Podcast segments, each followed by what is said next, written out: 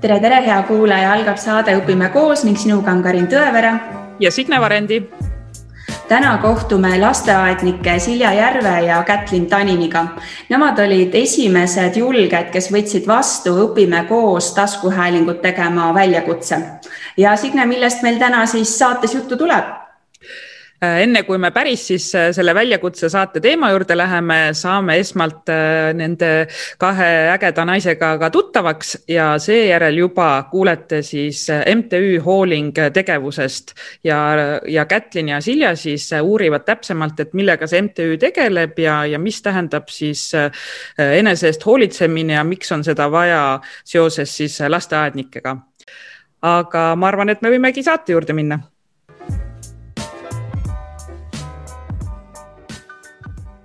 tere, Silja ja tere, Kätlin, rõõm on teid tervitada, õpime koos taskuhäälingus ja mul on väga-väga hea meel, et te otsustasite, et tahate ennast proovile panna ka sellega, et tulla eetrisse videopildiga. nii et rõõm on väga suur.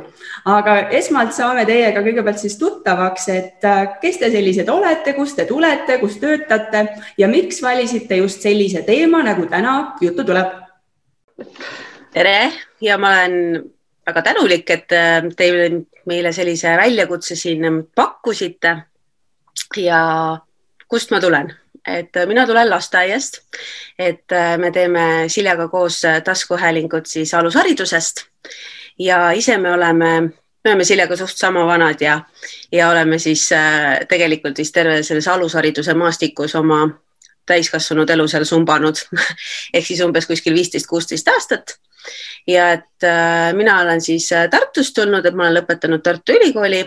Koolieelse lasteasutuse õpetaja eriala.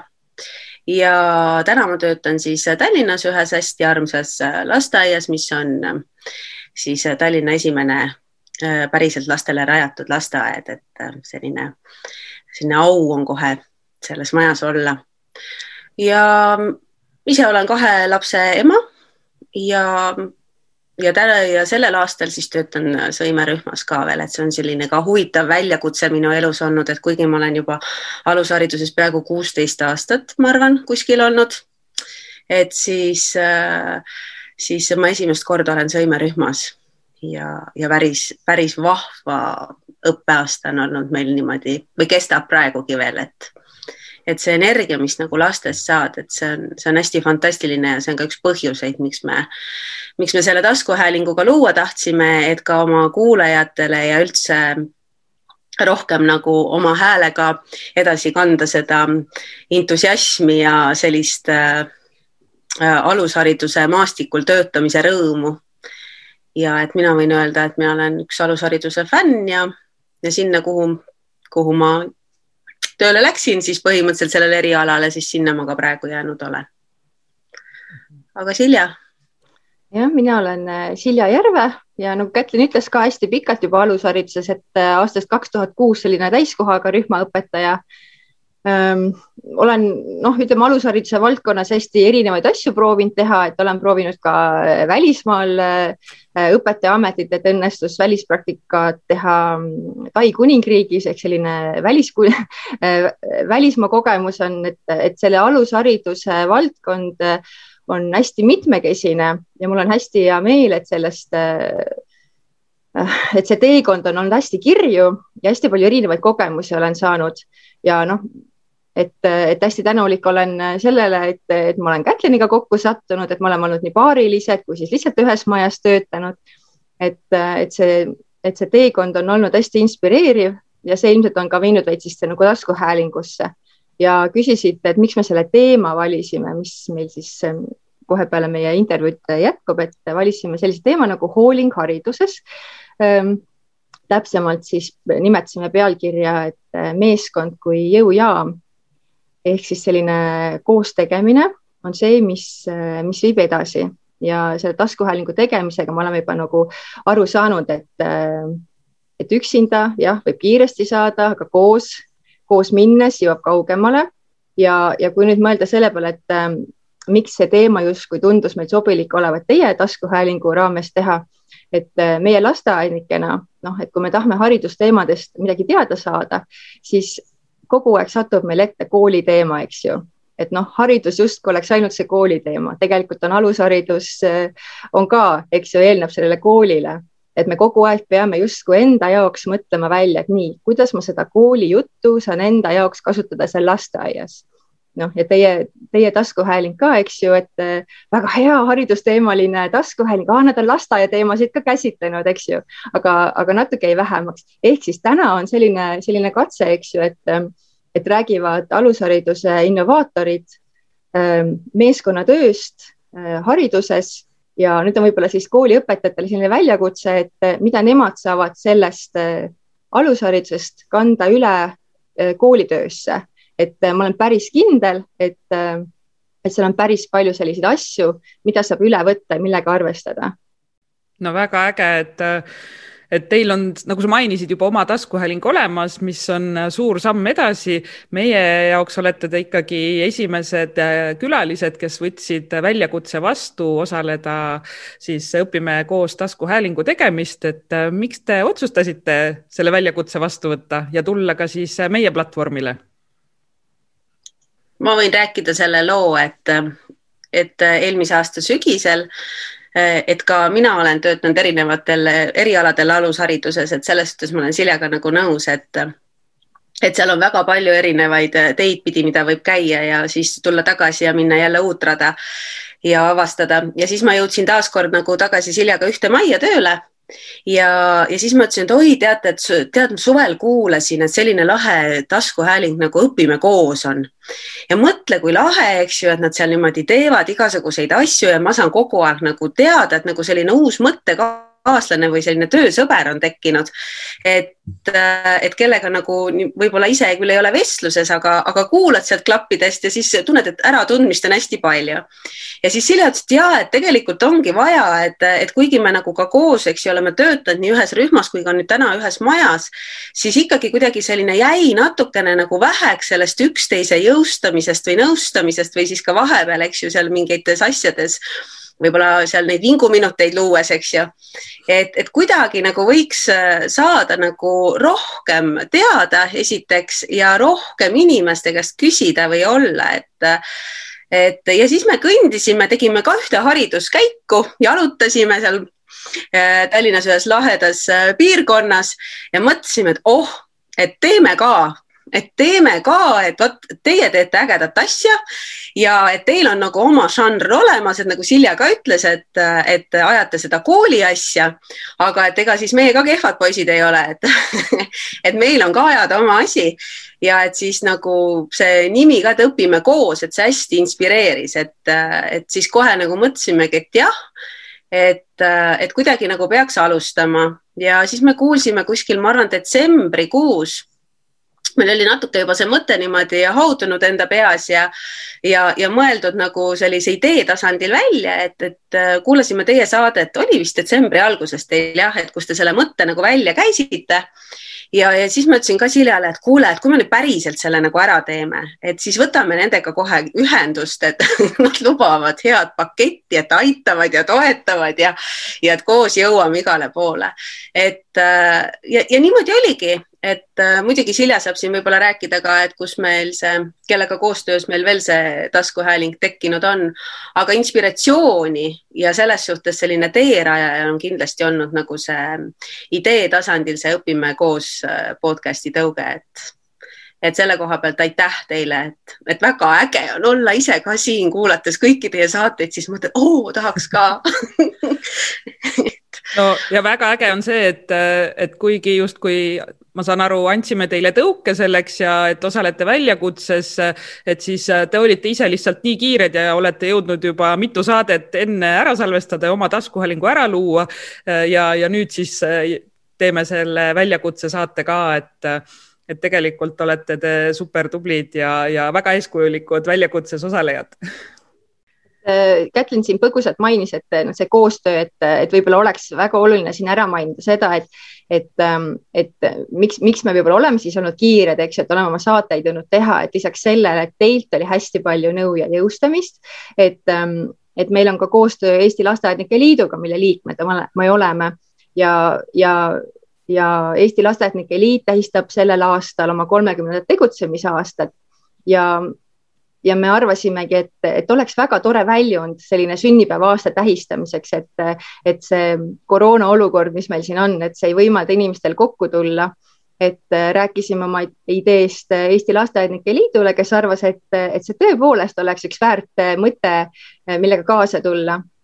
nii et, et see meeskonnatöö, mis saab ka meie saate teemaks, on tõepoolest hästi oluline, sest koos jõuab kiiresti ja kaugemale väga äge, aga läheme selle episoodi juurde nüüd siis äh, täpselt lähemalt, et hirmsasti huvitaks, et äh, mis oli kõige raskem ja mis oli võib-olla selline kergem või üllatavam teie jaoks üldse, et kogu selle saate nii-öelda valmistamisel, et teil on nüüd küll kolm saadet oma kanalil juba üleval, et äh, tegite selle, et või, või, või võtategi esimese saate, et mis oli nagu sellise taskuhäälingu episoodi kogu see protsess, et planeerimisest, salvestamisest salvestamised, lõikamised, ülespanemised, et natukene seda, et äh, kõige keerukamad ja sellised kõige, et oo, päris lihtne.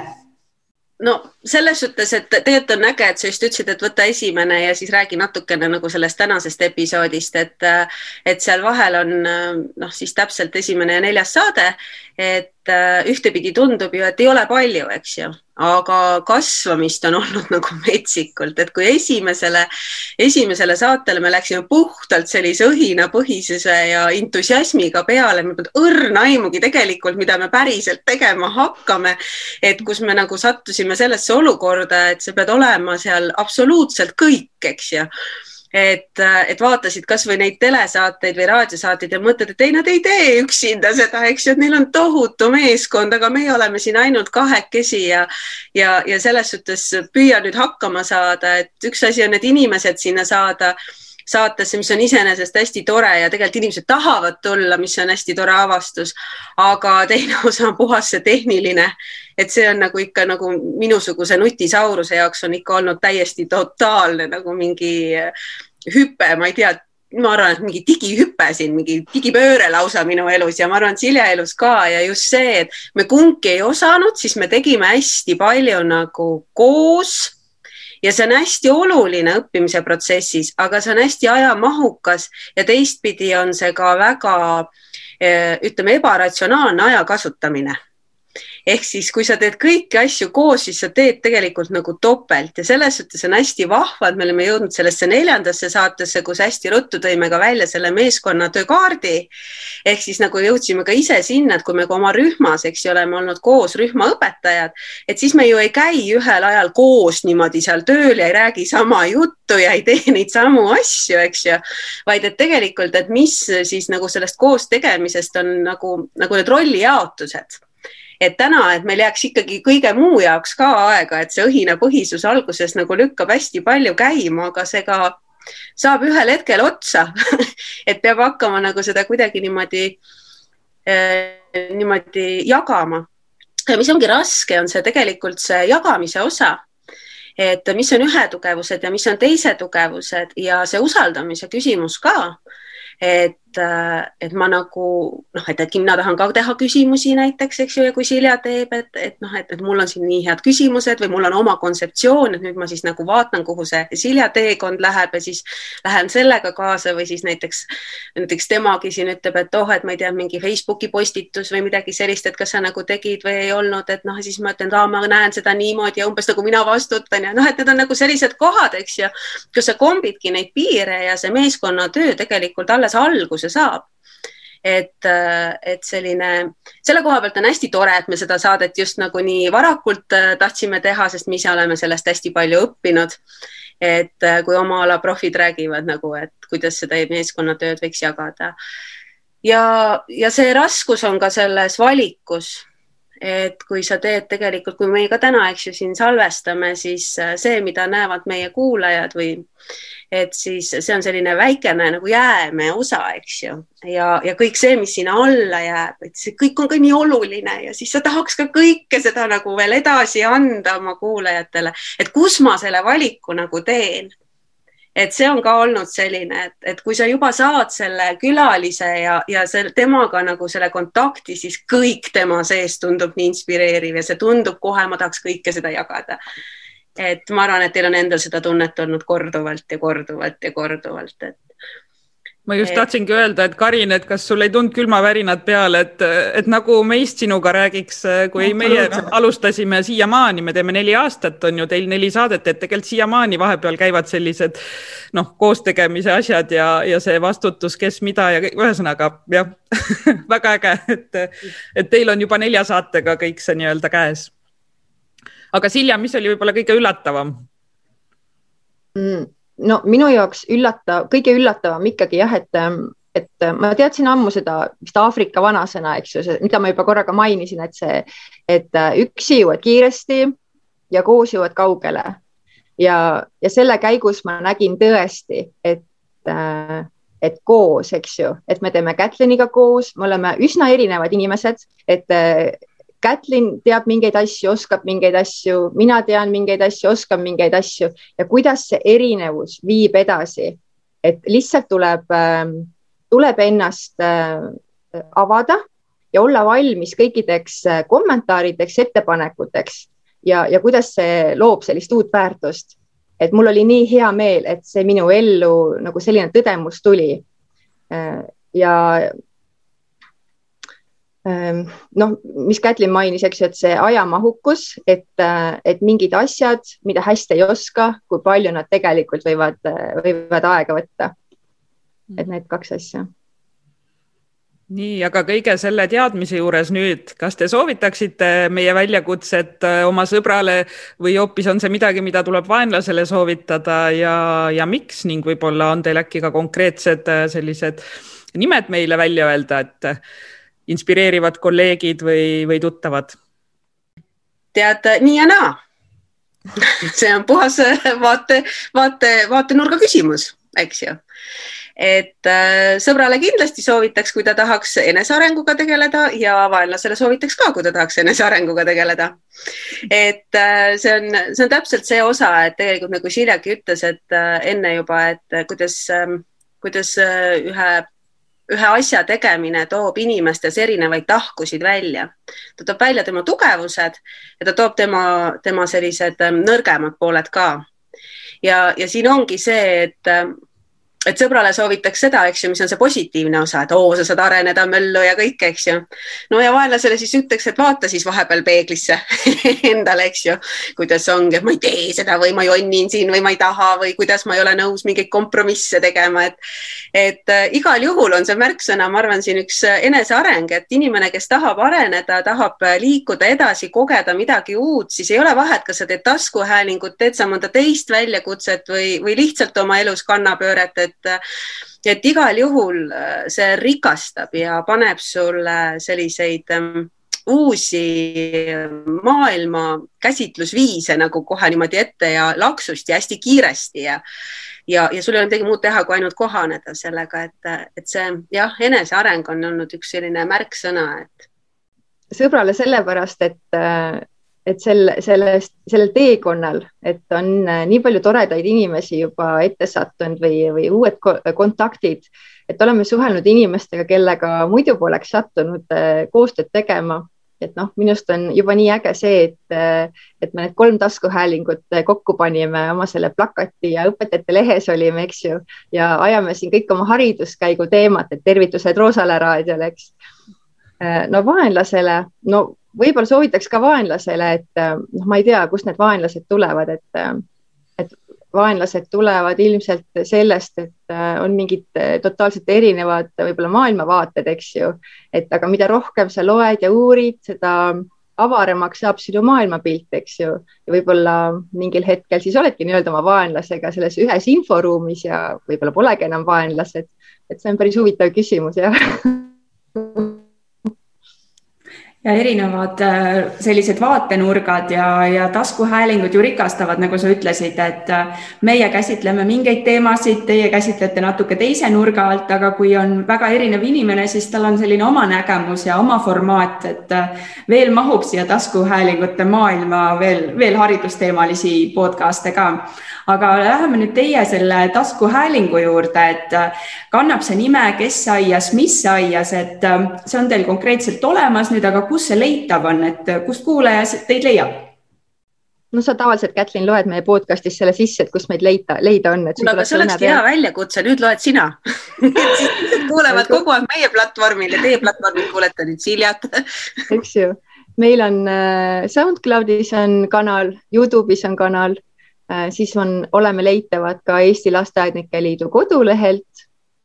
Äh, Facebookis on meil leht ja tegime link, Linktri kodulehe ka, kus siis linktr.ee kaldkriips, kes mis aias hästi tore, aga kui me nüüd räägime edasi tulevikuplaanidest, siis äh, no kes on need külalised, kellest te edasi unistate, et vot see külaline võiks olla nüüd see tippude tipp, nagu meie kunagi, ma arvan, et see oli umbes kaks-kolm aastat tagasi, kui me käisime välja, et oh, Liina Kersnaga võiks saate teha ja neljandal hooajal me jõudsime selleni, et, et kes on teie see unistuste saatekülaline? ja me arutasime seda tegelikult natukene omavahel ja ja me mõtlesime niimoodi, et kui võtta sõna unistus ja unistuseks ta jääb näiteks, siis meil on äh, ka saates selline väikene ajaloonurk Kirst Tordil, mida proua Mare Torm äh, siis on meile sisse lugenud, see on hästi põnev ajaloorännak olnud. Ja, ja siis me mõtlesime, et me võiksime Fröbeliga teha ühe saate. Ehk siis see oli selline tore mees, kes ühel toredal päeval jalutas lihtsalt ähm, Saksamaal ringi ja mõtles, et oo, ma teen ühe asutuse, millele ma panen nimeks, eks ju, lasteaed. ja siis, kui me oleme siin ka teinud, eks ju, kolmekesi koostöös selle hashtag hariduskäik, eks ju, jälle tänu Roosa raadio idee algatusele, et siis mõtlesime, et vot, et jalutuskäikudel hästi palju asju nagu tekib, et siis vot temaga oleks küll olnud põnev kohtuda, aga paraku see unistuseks jääb.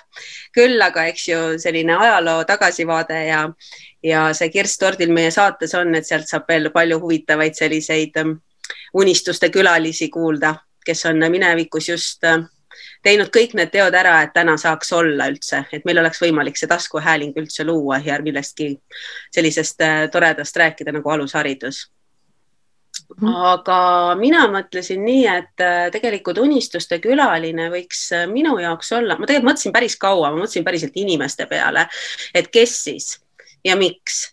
ja siis ma mõtlesin, et äkki ikkagi selline inimene, kes võtaks meiega ise ühendust ja ütleks, et tead, mul on rääkida ja ma tahan tulla ja ma kuulen, te teete ühte kihvti asja ja, ja mul tõesti on sinna lisada ja oma panus anda, olen ka alushariduse fänn ja ja et kui teil on nüüd eetriaega, siis mina kohe räägiks ja, ja siis äh, saadaks seda head sõnumit nagu läbi teie edasi.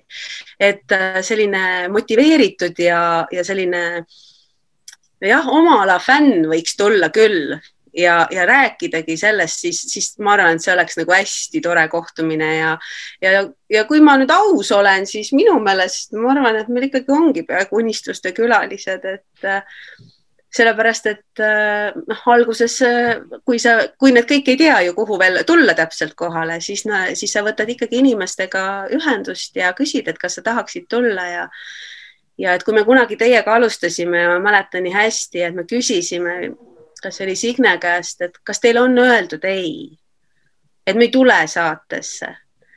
ja siis äh, Signe ütles, et ei, meil ei ole, siis meil oli tohutult hirm, et meile öeldakse ei, et noh, teete mingit niisugust asja ja siis keegi ei tule. meil ei ole ka veel siiani ei öeldud. ja see on väga äge ja, ja selles suhtes, et tegelikult, kui see inimene ütlebki jah ja ta tuleb, siis ta juba ongi unistuste külaline. kas sa, Silja, tahad täiendada? Ja ma just mõtlengi, et siin ei olegi väga midagi täiendada, et Kätlin ütles äh, eilse jalutuskäigu tulemused ära, et et, et minu jaoks ka selle Kes aias, mis aias taskuhäälingu üks nagu kese või selline kontseptsioon on see, et, et need alushariduse inimesed, kellega me igapäevaselt ei kohtu, et need võiksidki olla meie iga saate külalised ehk siis need inspireerivad inimesed, keda me veel ei tunne, aga läbi selle saate saaksime tundma õppida ja üks, üksteiselt ähm, nii-öelda tarkusi ja kogemusi saada. aga teeme siis nii, et meie soovime kes aias, mis aias taskuhäälingule palju-palju põnevaid äh, unistuste külalisi, põnevaid teemasid ja teeme ikka toredaid hariduskäike ja õpime koos ja tegutseme koos. pikka iga teile! ja, ja mina ka, ma teeks ka teile väikse väljakutse, et siis, kui me näiteks tähistame ühte aastat või midagi, siis võib-olla teete meie platvormil ka niimoodi samamoodi sellise vastusaate, et vaatame, kui kaua vastu peame ja ja siis võime kuidagi seda niimoodi tähistada. tähistamine on ka väga oluline, et tegelikult nagu miks ka täna, et, et see väljakutse, et tulla oma nägudega, et meil ei ole, eks ju, seda videopilti ja et ja siis me mõtlesimegi, et kuna meie kuulaja kuuleb ainult meie hääli, siis on väga tore, kui teie, teie nagu taskuhäälingus nad näevad ka meie nägusid, et, et siis teie võiksite ka mõnikord meile külla tulla ja olete siis oodatud. Aitäh teile saaks,. saakski, saakski arutada, et kui palju siis on need ühised, ühised pinnad, mis alusharidusel ja, ja ütleme seal kooliharidusel justkui kannavad. aitäh teile. ja nõus, ma usun, et me võtame väljakutse vastu, Karin. absoluutselt, õpime koos on valmis aga head kuulamist. kes aias, mis aias? kes aias, mis aias? Kes aias, mis aias? tere tulemast kuulama taskuhäälingut alusharidusest, kes aias, mis aias. mina olen Silja Järve. ja mina olen Kätlin Tanin. kes ja mis on täna meiega aias? täna on meie aias kaks väga inspireerivat saatekülalist, kelleks on nõustamis- ja koolitusettevõtte Hooling loojad, juhid, koolitajad, superviisorid Ilona Sillak ja Maili Liinev. tere tulemast meie saatesse. et meie kuulaja saaks teada, kes siis täpsemalt on meiega aias. palun jagage meiega, et kuidas teie jõudsite alusharidusse? alustame sinust, Ilona eks ma jõudsin natuke varem ka kui Maili aga elu on äh, täis juhuseid ja, ja need juhused äh, paiskavad meid äh, eluteel mingit rada pidi käima ja mina sattusin tegelikult lasteaeda tööle sellisel viisil, et äh, kandideerides äh, pärast seda, kui ma armastuse kutsel äh, Võrumaale või Võrru õigemini siis elama läksin, kandideerides erinevatesse töökohtadesse ja mm, mäletan, et seal oli ka näiteks taksofirma, kes ei vajanud minu teeneid. aga, aga oli üks selline huvitav pakkumine Võru lasteaeda Okasroosike ja seal pakuti sellist põnevat töökohta nagu muinasjuttude vestja. ja siis ma mõtlesin, et vot see oleks äge koht, äh, kuhu kandideerida ja mind võeti sinna tööle. nii et äh, tegelikult see on see, äh, see samm, kuidas ma nagu alusharidusse astusin ja sealt edasi mulle pakuti tegelikult muusikaõpetajana kohta võtsin ka selle vastu ja siis edasi mäletan väga selgelt seda hetke, kui selle lasteaia väga äge ja inspireeriv juht tegi mulle ettepaneku, et kas ma ei taha rühma tööle minna. esimene töökoht ja see, äh, kuidas sa seal ennast tunned, sellest sõltub väga palju see, mis valikuid sa teed edaspidi nii-öelda nii nagu on, kõik esimesed on kuidagi need, mis sind mõjutavad, ei olnud mitte ülikoolis äh, pedagoogikat õppides, vaid äh, oli hea alguse baaskursus. pärast seda ma muidugi olen käinud ka kaks korda, kaks korda koolis veel ennast harimas. Aga, aga tõesti, et see, äh, see, milliseks kujuneb sinu esmane usk, see mõjutab väga palju sinu pedagoogilist filosoofiat ja, ja mei-, minu lugu on selles mõttes sarnane Ilonaga, et äh, mina teadsin, et ma kindlasti ei taha hakata mingil juhul lasteaiaõpetajaks, siis olid ju lasteaiakasvatajad. sest äh, kuigi ma mängisin kooli ja tegin oma väiksele vennale töölehti, siis minu ema äh, oli siis lasteaias õpetaja ja, ja tema viis kõik minu toredad raamatud ja mängud lasteaeda ja mulle üldse see ei meeldinud. Ja muidugi väga mm, armas lasteaed ja kus ma isegi käisin torma linnutaja. ja, ja minu ema töötas muide hea alguse äh, meetodi järgi, nii et see oli minule täiesti selline äh, normaalne selline vaade. Ja õnneks, kui ma sain kokku Ilonaga siis äh, lasteaias, kus me hakkasime koos tööle, täiesti elu lihtsalt viis meid kokku. mina mõtlesin, et ei, et ma tõenäoliselt ma ei võta seda, sest ma õppisin eripedagoogiks hoopiski. ja nii kui ma Ilonat nägin, sain ma aru, et siia ma jään ja seal me siis koos tööle hakkasime tõesti hea alguse järgi. et alusharidusse te iseenesest siis sattusite puhtjuhuslikult, aga see töö hakkas teile meeldima, midagi selles alushariduses oli kütkestavat. Kaua te olite õpetajana ja mis sealt edasi teie jaoks arenes? ja et, et see oli minu jaoks selline algus ja jumal tänatud jälle, et Ilonaga kokku sain, sest Ilona oli ikkagi kogenud lasteaiaõpetaja, mina täiesti algaja. sain aga aru. see ei olnud enam Võrus, jah? E, see oli niimoodi, et Tallinnas me kohtusime, Ilona tuli äh,. armastuse kutsel, taaskord just ja mina tulin õppima ja pedagoogilise seminari kaudu tegelikult siis ja sattusin sellesse lasteaeda, kus me kokku saime. ja, ja siis mina liikusin sealt edasi, ma õppisingi eripedagoog nõustajaks ja töötasin siis eripedagoogina ja ma vahepeal ka väga pikalt siis seitseteist aastat tagasi alustas projekt Lugemispesa, mille juht ma olin ja ka Eesti Lugemisühingut juhtisin ja olen ka igapäevaselt lugemisnõustaja ja leiutasin ka lugemisjooga, et selline suur leiutaja olen. ja hetkel ka siis äh, väikses erakoolis Kaia koolis olen ka superviisor ja koolitaja. ja need teed äh, ja need koos tegemised on meid viinud äh, sinnani, et ühel hetkel see hooling sündis hästi selgelt sellest praktilisest kogemusest, kui me töötasime ise koolitajatena, nõustajatena, mingid teemad hakkasid väga selgelt korduma ja Ilona enda töötaust ju samamoodi on andnud mm. need kogemused. õpetaja töö on äh, minu arvates hästi palju selline õppimine tööpostil, see ongi õppimine tööpostil. Mailiga koos äh, teeme tööd ja, ja koos gruppe juhime, siis me tihtipeale jagame ka seda kogemust, mis on need meie õppimised olnud meie koostöösuhtest.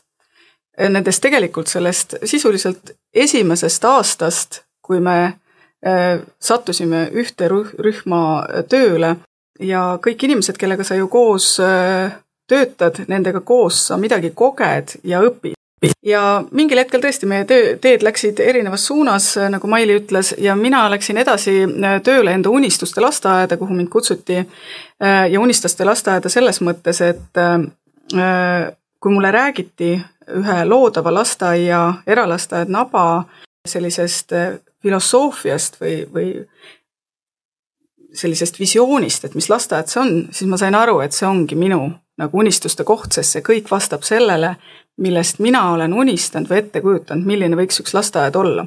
ja läksin sinna tööle, aasta aega üks töötasin seal, siis mm, mulle tehti ettepanek seda maja hakata äh, juhtima ja siis ma juhtisin seda naba seitse aastat. Ja see oli tegelikult selline kasvamine ja rännak äh, koos meeskonnaga liikudes sellise unistuste lasteaia poole. ja siis oli see punkt, kus me taaskord ristusime. ehk siis äh, mina omal rajal, Maili omal rajal, meiega koos veel üks inimene sellel hetkel, kus me kõik jõudsime ühte konkreetsesse punkti, mille nimi on hooling. mis on hooling? kuhu te jõudsite, et võib-olla te siis avate selle telgitaguseid mm -hmm. ja avardate selle sõna tähendust. ja, ja et äh, hoolingu, see sõna on ka iseenesest huvitav, et äh, ta on täiesti eestikeelne sõna, ta on uudissõna ja see tähistab siis hoolimist ja hoidmist. me nägime seda, et äh, ikka kõik algab sellest, kuidas õpetaja ise jaksab, ise näeb, kuidas ta oma rolli näeb, kui täis on ta tass, kui tühi on ta tass. nägime väga suuri sead-, seaduspärasusi selles, kuidas rühm töötab, kuidas meeskond töötab. ja üks selline äh, läbiv sõna seal oli see hoolimine ja just eelkõige siis endast hoolimine, et tihtipeale oleme me ju sellistel töökohtadel väga selgelt hoidmas teisi, see on meil veres, see tuleb meil automaatselt. aga see, et me põleme läbi, et meil on nii raske ja lähme koju oma asjadega, noh, tööasjadega, see ei ole tegelikult professionaalne ja see ei lahene ka nii, kui me ütleme näpuviibutuse saatel, et ärge tehke nii, lihtsalt hoolige ennast. nii et see hooling selles mõttes niimoodi sündis. meie selline juhtlause, et hoolimine igas teos. ja, ja haridus mm, minu arvates karjub hoolimise järgi. just nimelt võttes keskmesse selle lapse, siis, siis haridusvaldkond on küll selline, et, et selle jaoks, et see laps saaks kasvada õnnelikuks täiskasvanik, täiskasvanuks, siis on oluline, et tema ümber oleks hoolivad inimesed, kes teevad hoolivaid tegusid. Et äh, hoolivus ei saa olla väärtusena lihtsalt midagi, mille me kuskile kirja paneme, vaid see kajastub tegudes. aga kellele on suunatud siis tõepoolest, et, äh, et eelkõige õpetajale, Äh, ja siinkohal peab kindlasti täpsustama, keda me mõtleme õpetaja all, et me ei mõtle õpetaja all siis seda inimest ainult, kes juhib rühma, vaid me mõtleme õpetaja all ka õpetaja abi, assistenti, tegelikult ka juhti, koristajat, kõiki, kes lapsega kokku puutub, sest lapse jaoks on nad kõik õpetajad. laps ei õpi mitte seda, mida me talle õpetame, vaid seda, mida ta näeb. me oleme talle eeskujuks ja selles mõttes on hoolingu tegevus suunatud tõesti kõigile haridusasutuse äh,, haridusasutuses töötavatele inimestele, peredele, huvilistele. hooling tekkis seitse aastat tagasi. kus teie ise siis õpetajana nagu oma elus selles punktis olite, et teil see mõte nagu tekkis, et tahaks pakkuda kõike seda, mis te just praegu nagu rääkisite, et võib-olla korraks sinna sellesse isiklikku kogemusse nagu tagasi, et mis selle tõuke andis, et te nagu mõlemad saite uuesti kokku? see on selline asjade nagu, kus mitu nagu liini sinu eluteel äh, ristuvad. ja siis sellel hetkel sinu äh, sellesse ühte paati kas satuvad või sa siis tõmbad sinna äh, need inimesed, kes täpselt sellel hetkel on õiged inimesed.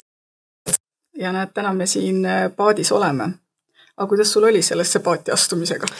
jaa, paati astumisega oli nii, et äh, tagantjärgi mõtlen, jumal tänatud, et sai sinna paati astutud. et äh, võib-olla ise olen ka selline pigem juht ja käimatõmbaja, aga seekord läks tõesti nii, et Ilona tõmbas mind sinna. ja, ja, ja, ja mina olin oma väikeste lastega kodus ja mulle õudselt meeldis ja siiamaani tegelikult meeldib olla sihuke üksik äh, tegija. ja Ilonaga koos me oleme pidanud äh, seda õppima, mina seda, kuidas teha meeskonnatööd. Ja Ilona siis ka teist poolt, et kuidas siis äh, ka ise, nagu ta ise väljendab seda, olla autonoomne, ehk see on ka üks teema, mida me räägime Äh, meeskonnakoolitustel. et me ei ole sarnased, me ei peagi olema sarnased, aga mis see tähendab, erinevus rikastab? see, see lahti mõtestamine on tegelikult väga oluline, sellepärast et kui keegi ütleb, et sulle tuleb kolleeg, eks ju millised sa tahad, et ta oleks? muidugi ma mõtlen, et oleks minu moodi, noh, oleks normaalne inimene, oleks nagu mina. me ei mõtle ju niimoodi, et oleks hästi erinev. aga ometigi, kui me oleme koos täpselt ühesugused, siis seal ei, tihtipeale ei pruugi sündida see. ja minu arust need kogemused, kui me Ilonaga oleme koos töötanud, siis need on need, kus sünnivad asjad, sest me ei ole niivõrd sarnased, me võime küll väga tihti jät-, lõpetame üksteise lauseid ja oleme mingi koha pealt väga ühes paadis ja olemegi aga mingisugused kohad on ka erinevad ja see rikastab meid. Ja me teeme ka sellega tööd, arutame, mis kuulubki meeskonna oskuste juurde aga võib-olla proovikski nüüd minna natukene süvitsi rohkem selle hoolinguga, et äh, kuidas näeks välja või milline on hooling organisatsiooni kultuuris, milline see hooling võiks või peaks olema meeskonnas ja milline see hooling võiks või peaks olema õpetajal enda suhtes. kas peaks alustama nüüd sellest organisatsiooni kultuuri tase, tasandist või õpetajast endast? no ma ütleks tegelikult alustuseks siit, et, et mõlemad on ju õiged et ühest küljest äh, see isiklik rahulolu äh, ja iseendast hoolitsemine algab ju ikka ennekõike iseendast. Äh, ehk siis, kui me räägime nagu, kujutame ette, et on selline inimene oma isiklikus elus, siis see on ju oluline, et ainuke, kes sind aidata kohe saab või esmane, kes sind saab toetada, oled ikka sina ise kui rääkida sellisest sõnast nagu strateegia, ehk siis, et kuidas luua sellist öö, hoolivat keskkonda organisatsioonis, siis on täiesti selge, et see algab ennekõike juhist, juhi visioonist, nägemusest, sellest, kuidas juht kaasab meeskonda nendesse protsessidesse, kuidas ta loob selle keskkonna seal meeskonna sees, et sellel hoolingul, hoolivusel, hoolitsemisel oleks üldse selline kasvulava. ja need on sellised juhi võtmetegevused. ja sealt edasi me võiksime tegelikult rääkida sellest, et kui me räägime ka sellisest, ütleme, nüüdisaegsest õpikäsitlusest, siis selles ju me liigume järjest rohkem selle poole, et õpetaja omakorda on ju juht oma osakonnas, kes peab ennekõike hoolitsema enda kui juhi eest, siis oma meeskonna eest, sihtgruppide eest, kellega ta töötab. et täna, kui vaadata nagu haridust sellises samm ette tuleviku vaates või kuhu ma loodetavasti, mina loodan, et kuhu poole me teel oleme, et siis õpetaja on nagu keskastme juht. ja organisatsiooni juht on tippjuht. aga mida siis nüüd see tippjuht nii-öelda peaks või saaks teha, et oleks seda hoolingut, mis on esmased asjad, mis peaks mm -hmm. olema? mulle meeldib viimasel ajal vaadata sellise pilgu läbi, et, et mingi aja tagant, nii nagu me paneme kinni arvuti, võtame uuesti lahti, laeme failid lahti, on ju, et, et teha sellist restarti oma meeskonnas. mis tähendaks seda, et me võtame mingi ajaperioodi tagant ette ja vaatame üle ja analüüsime, mis, mis meil seal toimub. Kaardistame ära, mis on need asjad, mis on need tugevused, mis meid kannavad ja vaatame ausalt otsa nendele asjadele, kuhu oleks vaja siis seda restarti teha ja luua nagu mingit uut ressurssi, et kui kujutada ette ühte moosiriiulit, eks ju, siis seal on ju konservid, mis on ammu hallitanud, mille võiks ära visata, eks ju. ja, ja samal ajal seal on need äh, konservid, mis on säilita-, säilituskonservid, mida me vajame, olgu need siis baasilised väärtused või nii edasi. ja, ja selline tegevus algselt, mis oleks siis esimene samm, on tegelikult see, et me koos meeskonnaga, mitte ainult tippjuht, ei vaata sellele otsa sa mõtled praegu nüüd meeskonda, siis nüüd rühmameeskonda või ikkagi tervet, tervet aga kui ma räägin juhtimisest, siis tegelikult needsamad tegevused, äh, mis on nagu organisatsiooni tasandil, peaksid tegelikult äh, toimuma ju rühma tasandil. ja need peaks olema sünkroonis, ühiste arusaamade äh, toel, ehk siis mis on tegelikult juhi üks peamisi ülesandeid, on luua sellist organisatsiooni kultuuri, mis on juhitud, mis on ühtedel alustel arusaadav ja organisatsiooni kultuuri all me mõtleme siis äh, suhteid inimeste vahel. Äh, kuidas suheldakse ennekõike. selle jaoks, et see koostöö sünniks, on äh, vaja luua aeg koostöö jaoks ja see oli väga hea näide võib-olla alustuseks just nimelt see, et, et, et kas me, kas meil organisatsiooni tasandil on üldse see koht, kus me nagu kohtuda saame ja võib-olla sellise üleüldise positiivse sellise sotsiaalse fooni mõttes just nimelt need ühisüritused on nagu hästi olulised. kas hoolingul on mõnda nõuannet, kuidas tekitada meeskonnas sellist õhinapõhisust, et nad tahaksid tulla ühistele üritustele, mitte ei mõtleks, et aa, mul ei ole siin praegu tööaeg, et see on mul pere arvelt. mis, mis selles olukorras peale hakata? mina julgen öelda sellist asja et äh, ühisüritus äh, ei ole tegelikult või ei peaks olema enda vaba aja arvelt. Enda kogemuse pealt ma võin öelda seda, et kui sa tuled nagu tööülesandel välja, siis see peakski olema nagu tööaeg. võib-olla see Covidi aeg praegu on nagu ka välja toonud hästi selgelt selle poole, et kui meilt võetakse midagi ära, alles siis me saame nagu nii hästi aru, et mida me tegelikult vajame ja mu enda kuidagi meenutus eelmisest kevadest, kui oli see esimene kriisilaine lõppenud, meil oli paar sellist meeskonnatööd kohe pärast seda ja need olid täiesti erinevad sellest, mis on, mis oli varem. praegust aega tegelikult iseloomustab väga palju see, et inimestel on tegelikult vajadus koos olla. sellest tuntakse puudust, sest see on meilt ära võetud ja mina ei ole varem niimoodi kohanud äh, pisaraid, kus inimesed üksteist nagu tänavad selle eest, et, äh, et mul on nii hea meel olnud, et sa oled sellel ajal minu jaoks oluline olnud või on jagatud oma meeskonnaliikmele, liikmetele tunnustust selle eest, et, et aitäh, et sa olid. et noh, et, et sellistest keerulistest aegadest või ütleme, need toovad ka välja meis või annavad meile võimaluse kogeda midagi sellist, mida me tegelikult varem ei ole märganud. Ma arvan, et see ühine aeg ongi nagu täiesti kõige eh, kesksem eh, eh, tegevus, mis käivitab siis kõik teised meeskondlikud tegevused. ja, ja see on tavaliselt kõige keerulisem, eks ju, see küsimus, et aga kuidas leida ühist aega üks asi on see ühised üritused, väljasõidud, mida ongi võib-olla keeruline leida, sest seal lihtsalt osaleb nagu kogu meeskond või kui me räägime meeskonnast, siis tegelikult me räägime igast inimesest, kes selles äh, meeskonnas on. mitte see, et, äh, et keegi on kojamees poole kohaga, et, et tema sellesse meeskonda ei kuulu või see, ütleme siis inimese poolt vaadates see tunnetus, et ah, mis nüüd mina see koosolemise aeg tähendabki seda, et ja meeskonna aeg tähendabki seda, et seal on terve meeskond koos. aga nüüd teine pool on see, et äh, tööpostil olles luua neid hetki ja kohti, et kus me siis tegelikult kohtume.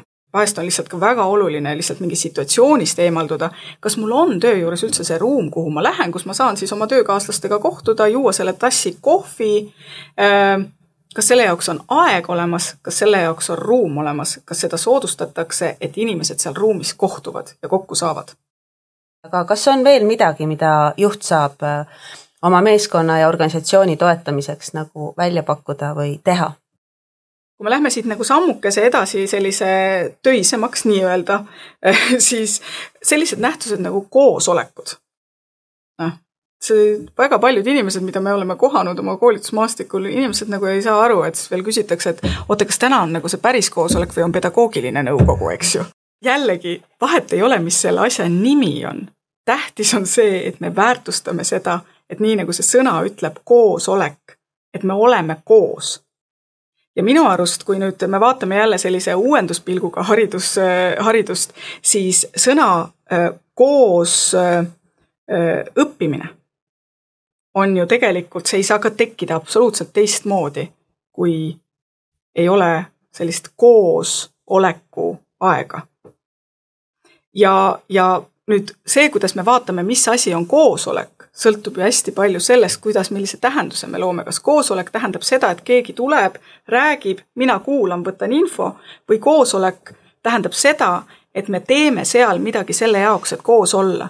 et kui mõelda sellise mõiste peale nagu meeskond kui jõujaam, ma arvan, et see võiks olla nagu selline juhi üks mõtteviis. iga koosoleku alguses äh, võtta teadlikult äh, see aeg ja see ei ole raisatud aeg et see on tegelikult äh, ressursiaeg. võtta see aeg, kus alustada nende küsimustega, et äh, kuidas täna on, kuidas on jõuvarud, äh, mis on täna hästi. keegi peab olema see indikaator ka, et on alati inimesi erineva jõuvaruga, on inimesed, kellel on see ressurss seda positiivset välja tuua ja juht, noh, vaata jälle nüüd on see, et, et kes juhi eest hoolitseb, eks ju juht peaks olema see inimene, kes tegelikult teadlikult toob selle positiivse välja, ehk siis, et me saame rääkida sellest, mis meid kannab. Ja meid kannab ja aitab toime tulla ennekõike see, mis on hästi. teadvustamine, see edulugu, positiivsed asjad. Ja selle kõrvalt on meil siis jaksu tegelikult tegeleda selle poolega, millega peab rääkima, oled nõus, Maili, eks ju, organisatsiooni tasandil selle teise poolega, et kuidas see aur välja lasta et rääkida ka nendest asjadest, mis ei ole hästi. et võib-olla mõnikord võib juhtuda ka see, et me jõustame ennast hoopis võib-olla negatiivsuse või sellisega, et, et kas siin ka nagu näiteks superviisorina oleks mõni selline mõnus nipp või näide, võib-olla siia kommentaariks ka, et supervisioon on üsna uus väljend haridusmaastikul ja meie kogemus on, et väga paljud inimesed ei tea tegelikult, mis see sisuliselt tähendab. ja täitsa normaalne, kui on uus väljend, siis ei teagi ja kui sul ei ole kogemust ka, siis tundub kahtlane. et me oleme kaalunud ka selle äh,, oleme mõelnud ka selle peale, et täitsa nimetadagi töönõustamine, et ta sisu on töönõustamine ja, ja mida see siis tähendab, on see, et äh, noh, mis seal siis tehakse, et miks juhid ka tihtipeale noh, pigem saadavad inimese praktilisele koolitusele kui supervisioonile, sest sa saadad praktilisele koolitusele, tead, et õpib midagi, on ju. aga läheb supervisiooni, jumal teab, mis räägib seal või noh, tuleb tagasi, kuidas sa mõõdad seda. aga supervisiooni sisu iseenesest on ju see, et äh, sinu, kui sina tuled supervisiooni, siis sinu jaoks on inimene üleni sinu jaoks, ta on sind kuulamas, peegeldamas, ta aitab kaardistada olukorra ja vastavalt sinu teemadele siis tegeletakse. ja, ja ideaalis võiks olla niimoodi, et äh, kuidas meie näeme hoolingus äh,, võiks olla igal õpetajal võimalus selliseks äh, oma vaimseks hügieeniks osaleda supervisioonides. kui nüüd supervisioon ei ole õpetajale kättesaadav, siis äh, kas teil on mõni esmaabi, mõned soovitused, kuidas õpetaja saaks tegeleda enesehoolinguga? ja see on väga hea küsimus, et just nimelt, et mis on mu esmaabi aga tõepoolest, et mida, mida saab siis inimene või mida õpetaja iseenda jaoks saab teha, sest praegu ju väga palju räägitakse sellest, et õpetajad on läbi põlenud ja peaks küll enda, iseenda arvamust jagades ütlema, et minu arust olid nad ka ennem seda kriisi juba suhteliselt läbi põlenud. selles mõttes ja võib-olla see on see, et meieni lihtsalt jõuavad inimesed, kes ka vajavad abi. ja, ja veel seda, et abi otsimine on väga okei okay et abi otsimine on professionaalsuse märk, et see ei ole niimoodi, et meie juurde nüüd jõuavad sellised hädised ja kes üldse hakkama ei saa, vastupidi väga säravad inimesed jõuavad meie juurde ja läbi põlevad ju, teate ju just need, kes heleda leegiga põlevad, eks ju. koolitustel ja supervisioonidel ka küsime seda, et kuidas sinu nii-öelda aku on või, või kuidas su leek siis parasjagu on. ja me küsime ka juurde, et kui tihti sa mõtled selle peale siis inimesed tihtipeale ütlevad, et pole kunagi mõelnud. ometigi see võiks olla üks küsimusi, mida ma mõtlen tulles nagu jälle selliste seaduslike aluste juurde, siis tänases kutsestandardis on ju lausa sisse kirjutatud see, et õpetaja üks professionaalne oskus on äh, enese eest hoolitsemine. just nii, et äh, peab seaduseid järgima. Mis on need punktid, mida õpetaja peab jälgima, et ta saaks aru, et kus tal on vaja teha endaga tööd mm? -hmm. no näiteks võibki küsida siis enda käest niimoodi, et äh, ikkagi alati küsida, alustada mitte see, et mis on valesti, vaid ikkagi küsida kõigepealt selle, seda, mis on hästi minuga mis praegu toimib, mis mind, äh, mis, mis on igatahes see, mis mind paneb, äh, hoiab, noh, millele ma toetun, mis on need asjad võib küsida tööalaselt seda, võib küsida isiklikus elus. ja siis küsida ka seda, et äh, mis on see põhiline asi praegu, kuhu näiteks jõud kaob. noh, näiteks ma toon mõned näited, kuidas saab hoolitseda selle eest, õpetajad näiteks ütlevad, et oh, ma ei saa, et õhtul jälle need lapsevanemad Messengeris küsivad mina lapsevanemana olen ise avastanud seda, et ma trükin kell kümme õhtul oma õpetaja, lapse õpetajale küsimuse ja siis ehmatan ära ja õnneks on selline mõistev õpetaja, ei saa pahaseks, aga ei ole ka tegelikult äh, seatud piire. ja mis piirid võiks ju tegelikult kohe äh, paika panna, ongi, kuidas infovahetus toimub kuidas me vahetame infot, mis kanalid need on, mis sobib õpetajale, mis sobib lapsevanematele, kuidas me anname tagasisidet, need on kõik läbi räägitud alguses, mitte siis, kui probleemid on, vaid juba ennem. ja kuidas probleeme lahendatakse. Ja siin on väga okei okay,, kui õpetaja ise ütleb, kus on tema piirid, kus on see rühma kultuur, eks ole, kuidas me asju loome. ja mida õpetaja siis veel ise saab teha, et üks asi tõesti, et töömõtteid ei võeta koju kaasa võib-olla siia üks selline võte ka juurde, mis võib aidata, on see, et meil elus on ju olulised mingid rituaalid. Töö ei lõppe sellega, et ma astun uksest välja ja on läinud, panen kassa kinni, on peast läinud, eks ju. Need paratamatult tulevad kaasa ja siin võivad aidata needsamad rituaalid jälle sellega, et millise rituaali ma loon, et minna töölt välja. kuidas ma lõpetan ära selle tööpäeva? mis on see rituaal, kuidas ma astun uksest välja, et ma teadvustan, et uks läheb kinni. no kasvõi see võib olla see, et sa lähed ja ukse juures teed äh, tiiru ümber enda ja ütled võluväel, siia see jäägu, minu aeg alaku, sest äh, oma pere ja sinu enda nahk on kõige tähtsamad. aga et äh, iseenesest võiks tõesti olla äh, igal inimesel oma noh, kas ta on siis töösõber, või siis selline kolleeg, kellega on kokku lepitud, et ma saan öö, äh, oma auru välja lasta. Ehk kui mul on kokkulepe oma näiteks siis töösõbraga, äh, et äh, ma vahel tahan lihtsalt jagada, siis see peab olema see koht, kus ma tegelikult jagan ja teine ei hakka puid alla viskama, on ju, et mm. on jah ja paganat, ossa jumal ja, vaid see ongi see, kus ma tegelikult kuulan ära, võib-olla tõesti ütlen veel, et hm, aru saad, et olen ka ise kogenud või kuidagi ja sinna see jääb ja eriti oluline on see konfidentsiaalsus. ehk me hoiame oma lugusid, et kui me töötame ka äh, meeskonnas, siis need lood on meie lood ja me jagame, hoiame neid hästi, neid lugusid selliselt ehk siis nagu sa ütlesid, Maili tõid kaks poolt välja, eks ju, et et üks asi on oluline see, et me laseme auru välja ja seal kõrval see professionaalne vaade on see, et okei okay,, aur on välja lastud, mis me edasi teeme? kuidas me sellega edasi lähme? et kas me katame üksteist või me kütame ja see kütmine, nagu sa ütlesid, puude allalükkamine, et see hakkab toimima inimlikul tasandil väga. kui meil ei ole selged infokanalid, me ei ole oma organisatsiooni kultuuris kokku leppinud, kuidas me selliste olukordadega äh, toimetame, siis äh, inimlikul tasandil jälle, mis hästi ruttu juhtub, on see, et ma lähen ja räägin oma töösõbrale. ja see ei aita mitte kuidagi tegelikult lahendada seda olukorda ja mulle endale hästi meeldib see sõna, see töösõber. aga sellega ka on sellised asjad, et, et see on ju lihtsalt sõna, aga mis tähenduse me sinna loome. et sõprus justkui ongi väga palju hämarate äärtega selline, selline noh, nähtus ja teine pool ka see, et õpetaja on alati meeskonna liige. lasteaias on see suur pluss, et me töötame peaaegu alati kolm inimest ühes rühmas, küll erinevatel aegadel, aga meeskond me oleme. kui seal on veel tugiisik juures näiteks, kui on mõni äh, veel tugispetsialist näiteks, siis meeskonna äh,, meeskond iseenesest, kui Ilona ennem rääkis sellest äh, tervest organisatsiooni meeskonnast kui jõujaamast, siis tõepoolest üks suur organisatsioon koosneb nagu justkui väikestest osakondadest näiteks lasteaias. ja see väike meeskond, mis sinul endal on seal, äh, see on sinu väike jõujaam samamoodi.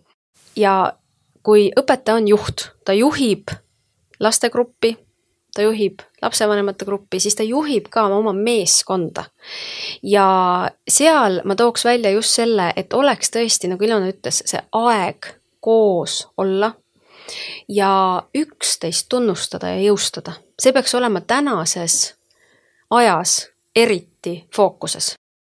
teeme siinkohal meie vestlusesse väikese pausi ja kutsume teid proua Mare Tormi ajaloorännakule tänane Kirst Tordil teeb tagasivaate aastasse tuhat üheksasada kolmkümmend kaheksa. oi, oi la, oi la la la la la. Kirst Tordil. tuhande üheksasaja kolmekümne kaheksandal aastal andsid lasteaednikud ametivande, mille tekst oli järgmine. mina tõotan ja vannun ustavaks jääda Eesti Demokraatlikule Vabariigile ja tema seaduslikule valitsusele ning oma südametunnistuse järele ausasti täita kõiki neid kohuseid, mis minu kätte usaldatud on, mida see amet mulle peale paneb, teades, et seadus ametikohuste rikkumist karistab. olgu öeldud, et tuhande üheksasaja kolmekümne kaheksandal aastal nagu annab ajaleht Päevaleht teada, toimus Eesti Lasteaednike Seltsi korraline peakoosolek Tallinna viiendas lasteaias ja selle avas siis seltsi esinaine Elli Järvekolg ja selles osales kokku seitsekümmend liiget. ja seal pidas Tallinna haridusosakonna koolivalitsuse nõunik kõne August Kuks, kes oli väga haritud, õppinud Moskvas ja ta oli, tundis keeli, aga õppis filosoofilisi õppeaineid ja ta oli ka väga teadlik koolieelse kasvatuse teemadel. ja ta nentis sel ajal, et lasteaednike pere pole seni saanud mingit ergutust ega avalikku tunnustust oma suure töö eest, mis tõeliselt väärib tunnustust. Kuid olgu täpsustuseks siiski öeldud, et just sellel aastal, kolmkümmend kaheksa, pälvisid Eesti Vabariigi kahekümnendal aastapäeval kaks Tallinna lasteaednikku Eesti Vabariigi kõrgema tunnustuse. Need olid Marta Kiviväli ja Marta Kärmu. kuid Kuks siiski nentis, et lasteaednikud on jäetud unustusse. Oi la la la la la. Kirsti Ordil. kas hoolingul on mingeid konkreetseid äh, pidepunkte, mida õpetaja järgides saab veenduda, et ta tegeleb enda hoolinguga? sul on see oma aeg, kus sa oled ainult, sa teed seda enda pärast. võib-olla see on ainult see tassike kohvi päevas, aga see on sinu tassike kohvi. Ja just see pool, et sa naudid seda, mitte sa ei kulista seda ruttu ära, et sa leiad selle oma aja, muidugi see ideaalis võiks olla, et sa lähed mere äärde, jalutame kõik, aga see ei ole äh, väärtuslikum, kui on tassike kohvi. ma toon siia juurde ühe näite ühe õpetaja äh, abide grupist, äh, kus üks õpetaja abi ütles, ma andsin ülesande, et, äh, et päeva jooksul, eks ju, et, et mis asi see on, sinu nagu rituaal, mis aitab sul ennast laadida või kui aega ei ole, siis aega juurde tekitada ja siis üks õpetaja abi ütles, et ta noh, armastab, et tema jaoks on hästi oluline see, et ta saab juua kohvi keset päeva, noh. ja ta ütles, et äh, ta hakkas teadlikult jooma seda kohvi, mitte sedasi, et samal ajal veel tegelen, äh, ma ei tea, mingite tööasjadega. ja ta ütles, et see on uskumatu, kuidas ma olen tekitanud endale aega juurde, kuigi ma joon kohvi ikka samamoodi, viis minutit, siis see tunne, et ma olen saanud aega juurde, on nagu üüratu et see on nagu lõunapaus. kui sa nagu märkad seda ja naudid ja võtad nagu selle oma meele sees, tekitad selle ruumi sellele tegevusele. just. ja aeg ongi see asi, et ega siis kõigil on kakskümmend neli seitse tegelikult, kui ausalt öelda.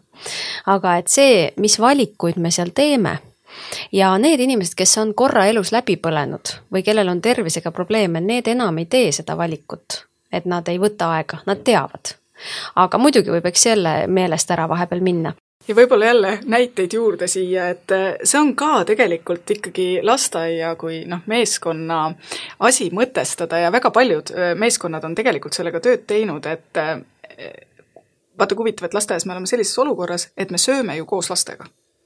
tegelikult me teeme tööd, süües koos lastega ja on õpetajad ju toonud välja neid asju, et, et, et ma tegelikult istun, noh, et see, räägime tervislikkusest, eks ju, et ma istun väikese laua taga ja siis ma nagu mugin või noh, kiirustades, vaadates juba ette-taha ja igale poole seda sööki sisse, et meil ei olegi aega märgata.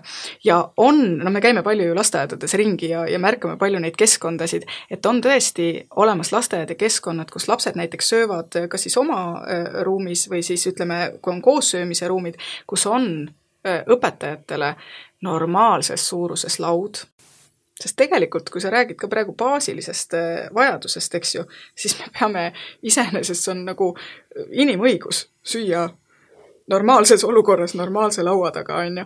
on lasteaedasid, kus on organiseeritud sellisel viisil ja tegelikult on ka need olnud lihtsalt nagu õpetajad näiteks, kes on otsustanud, et ma ei söö praegu, ma söön pärast. Lõuna ajal, et kas see toit on meile soe hoitud selleks ajaks et jälle tegelikult mõtled, et noh, mis söök on ju. et noh, me teeme tööd siin, aga tegelikult kui oluline see on ja kuidas lasteaiamaastikul noh, tihtipeale, et lõunaaeg ei ole tegelikult normaalselt söögiaeg, vaid me teeme tööd süües mis veel aitab, et, et tõesti uskuda, et sa oled ise piisav, et mitte teha rohkem, vaid teha lihtsalt endast parim, aga mitte rohkem, et andsin kõik, eks ju. ja olla tänulik olla tänulik selle eest, mis on, see on tohutult suur positiivne energia, mida sa ise endale lood, kui sa leiad iga päev ühe asja, mille eest sa oled tänulik. ja võib-olla tõesti ka mõelda selle peale, et kui me ei saa äh, ju muuta tuule suunda, siis me saame seada purjeid ehk seda me saame ise teha.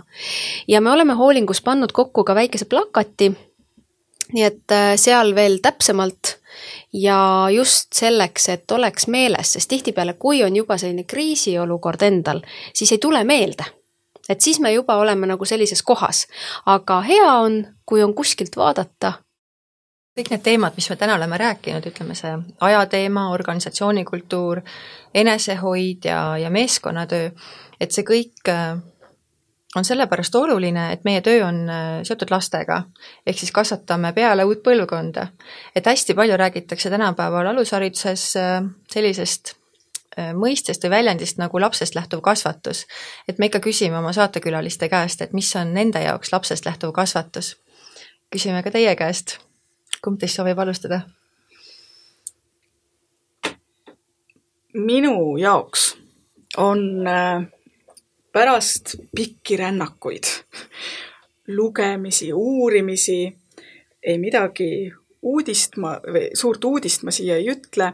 minu jaoks on lapsest lähtuv kasvatus sellise õpiruumi ja kasvatuskultuuri loomine, mis arvestab iga lapse eripära ja mis võimaldab välja tuua või realiseerida äh, iga lapse arengupotentsiaali maksimaalselt. tavaliselt selle lause peale küsitakse, et oot, ütle nüüd uuesti seesama lause.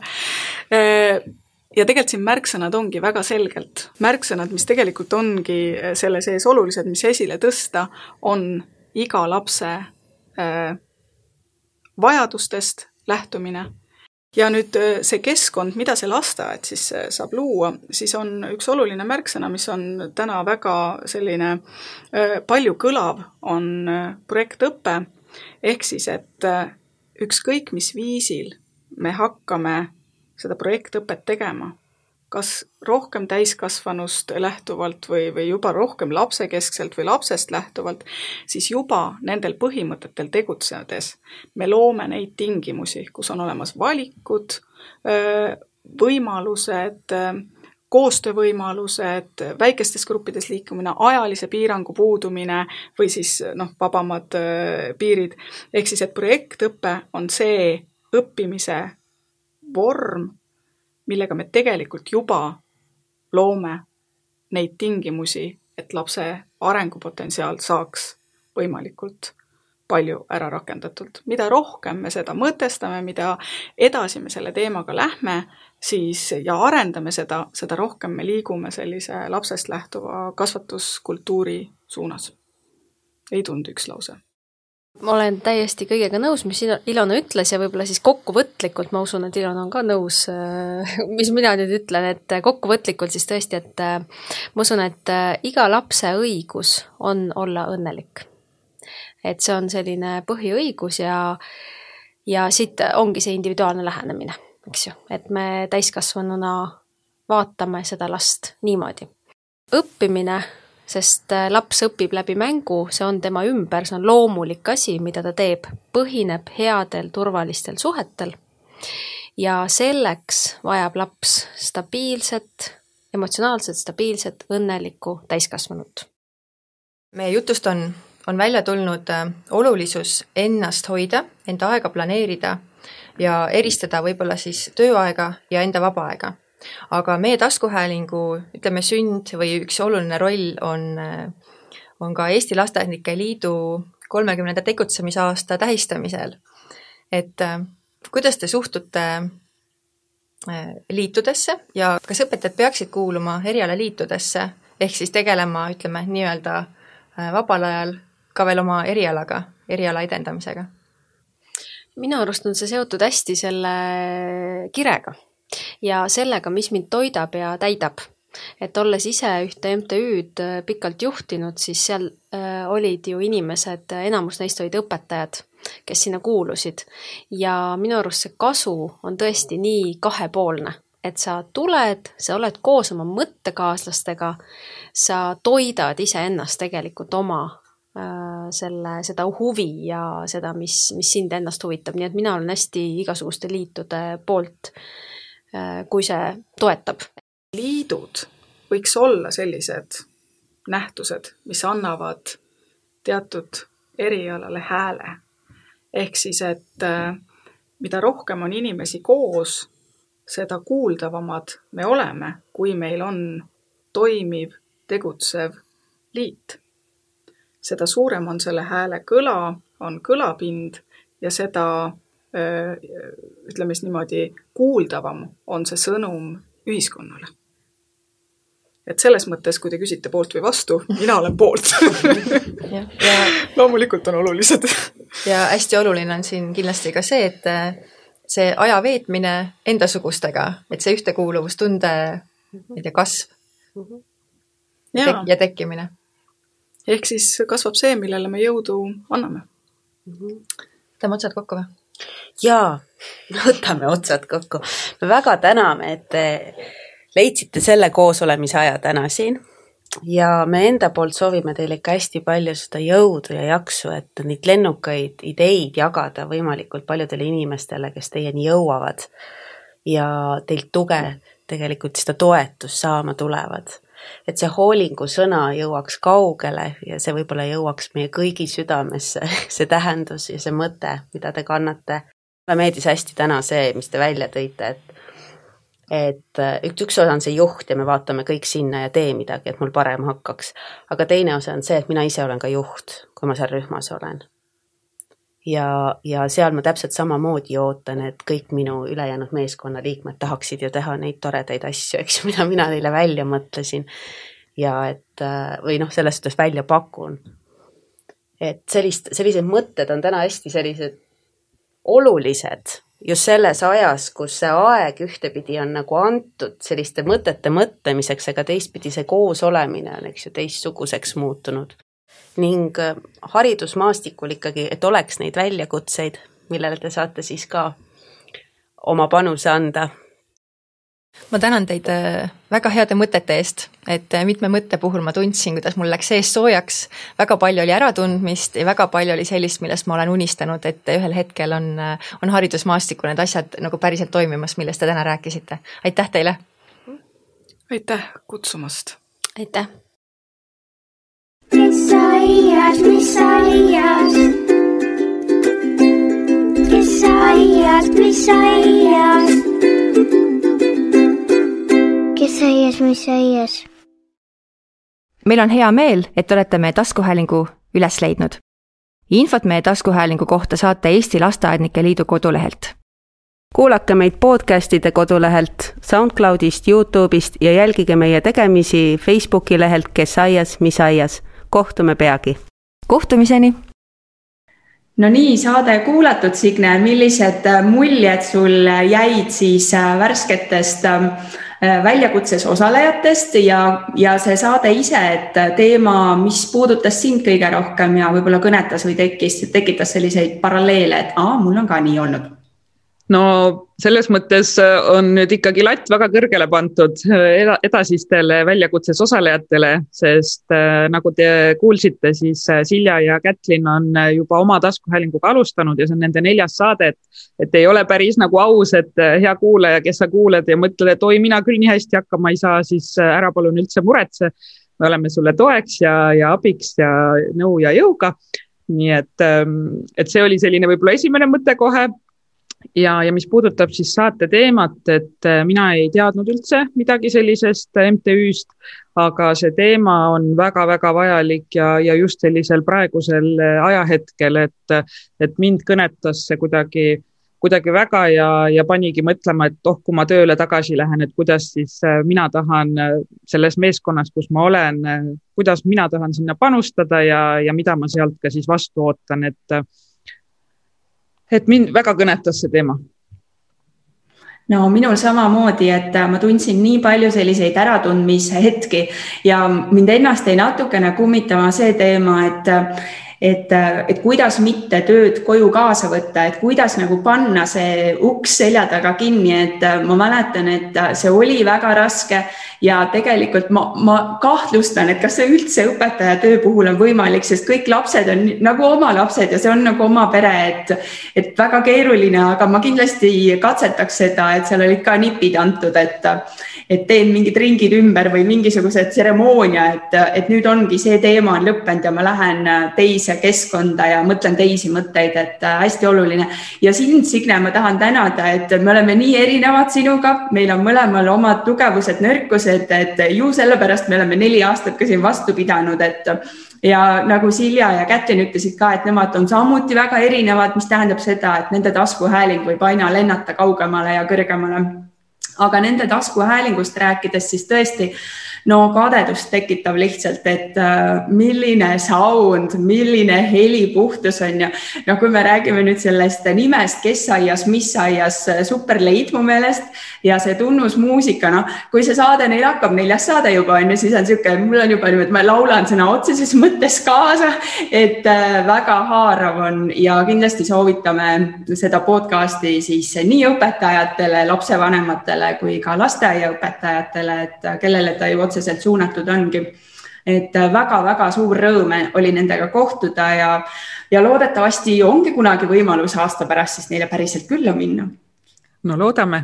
Ja hea kuulaja, tule osale meie väljakutses, õpime koos taskuhäälingut tegema ja kui sa ei ole veel jälginud äh, meie kanaleid äh, SoundCloudis, Spotify's, Youtube'is, siis kindlasti telli, sellepärast et nii jõuavad äh, uued saated sinuni kõige kiiremini.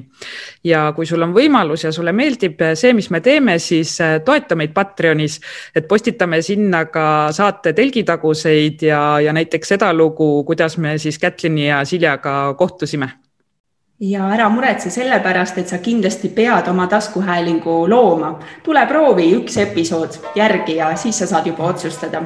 aga kohtumiseni juba järgmisel korral